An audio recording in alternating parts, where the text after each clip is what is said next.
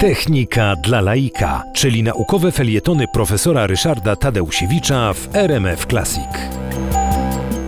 Pierwszym tworzywem sztucznym, które zostało wyprodukowane, które zostało najpierw odkryte, a potem e, zostało przyjęte jako e, tworzywo, z którego mnóstwo rzeczy pożytecznych e, wyrabiamy, do dzisiaj zresztą, to był celuloid.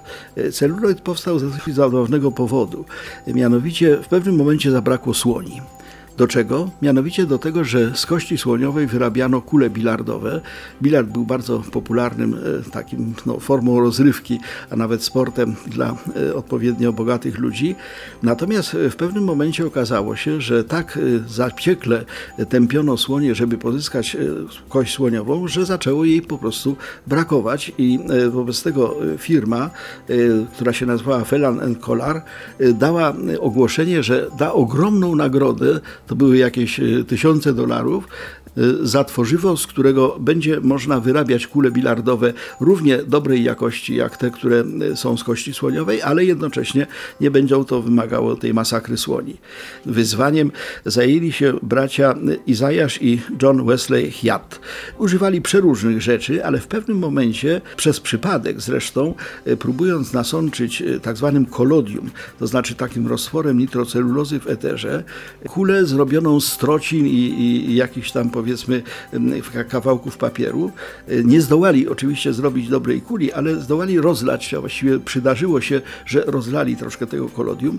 Okazało się, że gdy ono zastygło, powstała taka, taka tafelka, taka e, płytka właśnie czegoś, co później nazwano celuloidem. E, dalsze badania i doskonalenia doprowadziły do tego, że celuloid stał się łatwo osiągalnym tworzywem sztucznym, pierwszym tworzywem sztucznym. Kule bilardowe zrobione z celuloidu czasami eksplodowały. No, ostatecznie eksplodująca kula bilardowa może być e, czymś nawet zabawnym. Natomiast zaczęto wyrabiać sztuczne szczęki z tych właśnie celuloidu. On bardzo ładnie wyglądał, pięknie błyszczał e, w buzi e, osoby, która sobie taką sztuczną szczękę wstawiła. Niestety także wybuchał.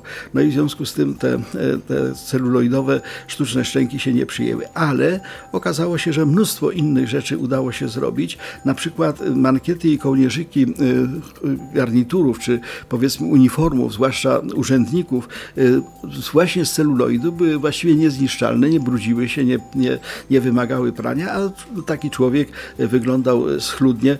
Dodam jeszcze tylko, aczkolwiek tego w tej chwili nie rozwinę, że dzięki celuloidowi rozwinął się film, kino, dlatego że właśnie y, taśma celuloidowa była kluczem do tego, żeby ruchome obrazy rejestrowane przez kamerę można było wyświetlać i przez bardzo wiele lat właśnie taśma celuloidowa była tym nośnikiem, na którym zapisywano wszelkie filmy.